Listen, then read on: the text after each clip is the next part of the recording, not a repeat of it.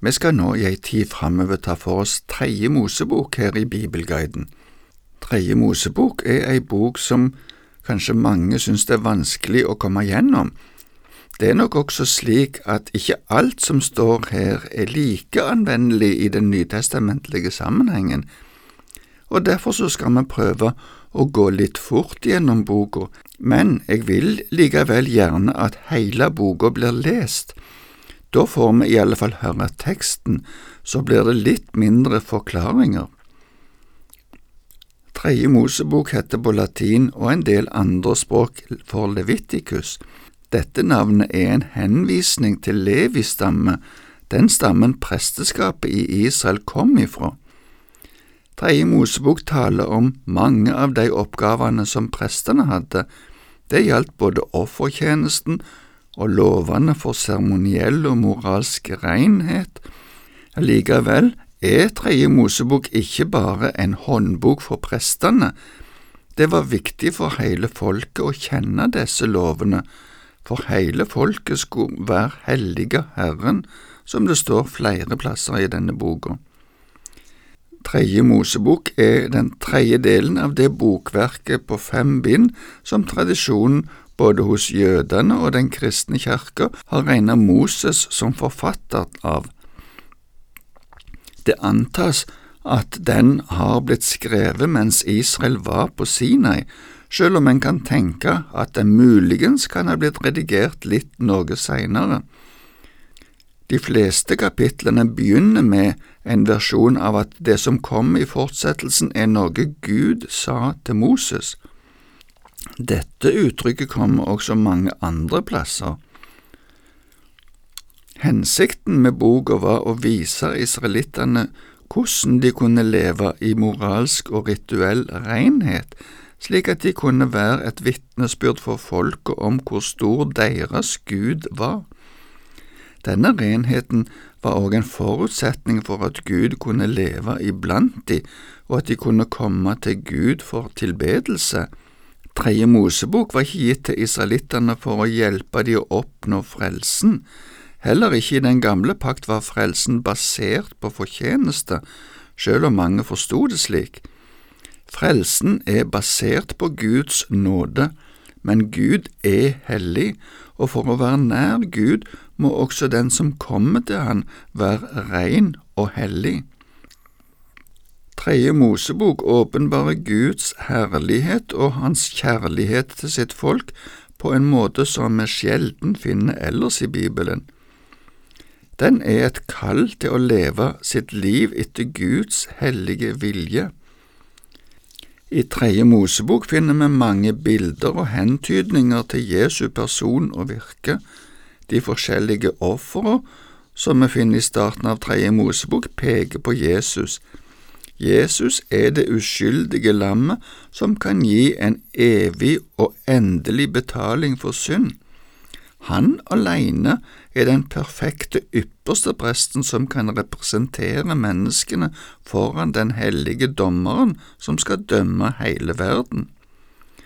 Vi kan inndele Tredje Mosebok slik. I de første sju kapitler beskrives de forskjellige ofringene.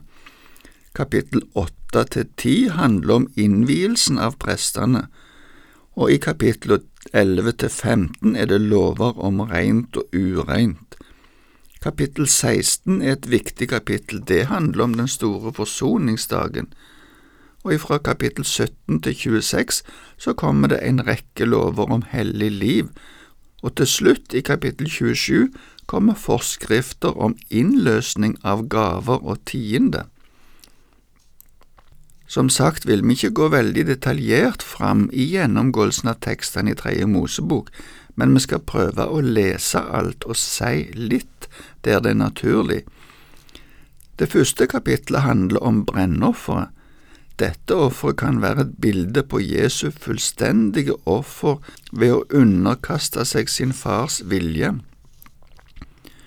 Før vi begynner å lese, kan jeg nevne at det uttrykket som vi ser ofte i Tredje Mosebok, og der gudstjenesten fant sted, blir kalt telthelligdommen. I andre oversettelser brukes gjerne begrepet sammenkomstens telt eller tabernakelet om denne helligdommen. Det var et stort telt. Det var delt inn i to rom, der den innerste blir kalt det aller helligste. Her sto paktkisten, og lokket på denne kista blir kalt soningslokket eller nådestolen. Her ble noe av blodet fra et offerdyr strøket på én gang i året. Ypperstepresten gikk inn bare denne ene gangen i året, og ellers gikk aldri noen inn der. I det ytre rommet, som blir kalt Det hellige, sto røkelsesalteret, lysestaken og et bord med brød som var satt fram.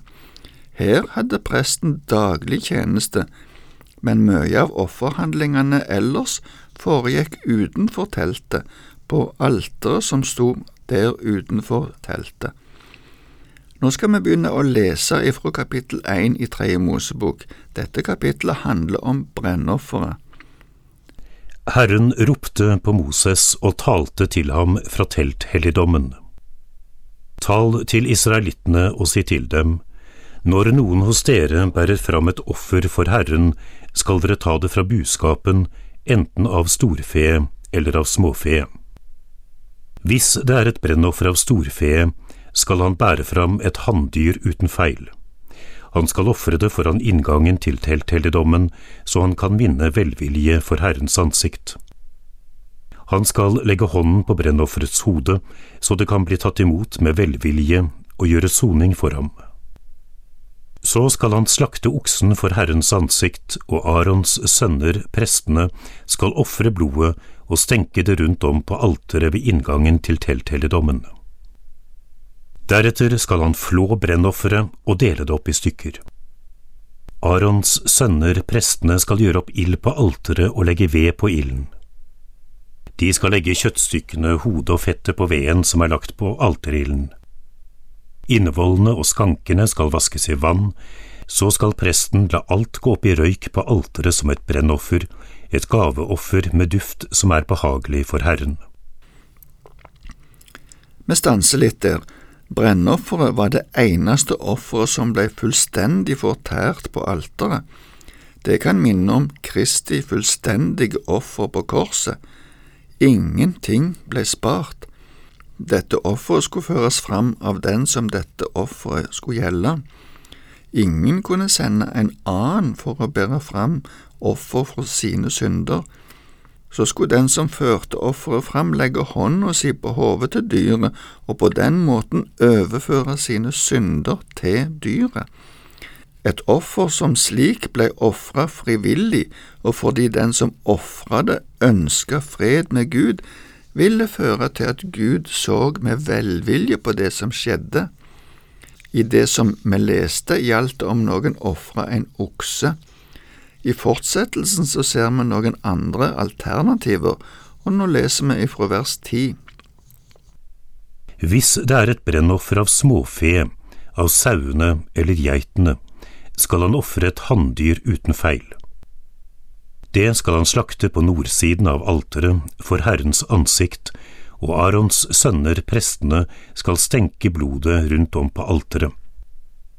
Deretter skal han dele det opp i stykker også hodet og fettet, og presten skal legge alt på veden som er lagt på alterilden.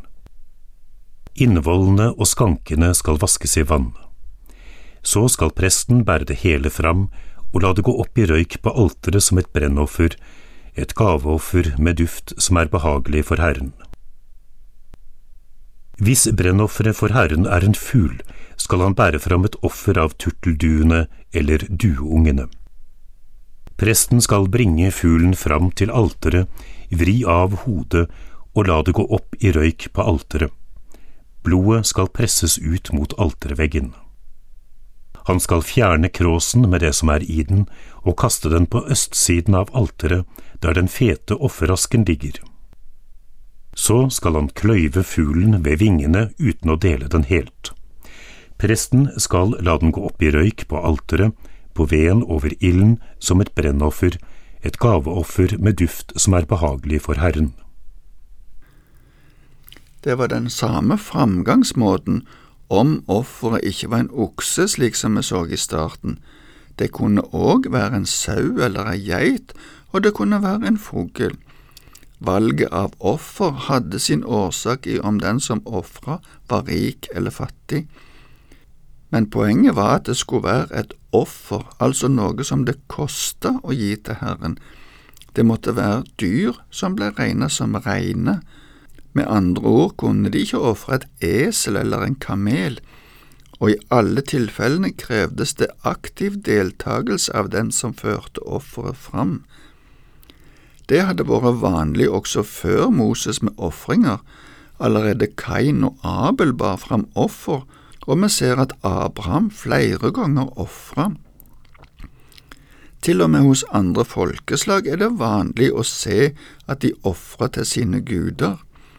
Offeret har først og fremst sin grunn i at de fører skyld i sitt forhold til Gud, men det kan òg være en gave i takknemlighet.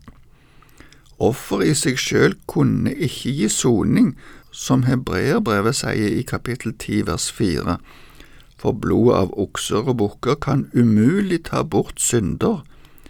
Derfor må vi se på denne ofringen som en forløper for Kristi offer og som et nådemiddel i den gamle pakt, ved at den som ofra, viste at hjertet hans eller hennes ønska fred med Gud og ba om å få tilgivelse for sine synder, så ville Gud se i nåde til dette mennesket og tilgi. Vi ser òg mange ganger utover i Det gamle testamentet at Gud dømmer de som kommer med offer uten at hjertet er rett for Gud. Gud ser nemlig først og fremst til hjertet, men knytter ofte sin nåde til konkrete midler, altså nådemidler, med disse ordene vil jeg takke for følget i dag. Herren velsigne deg.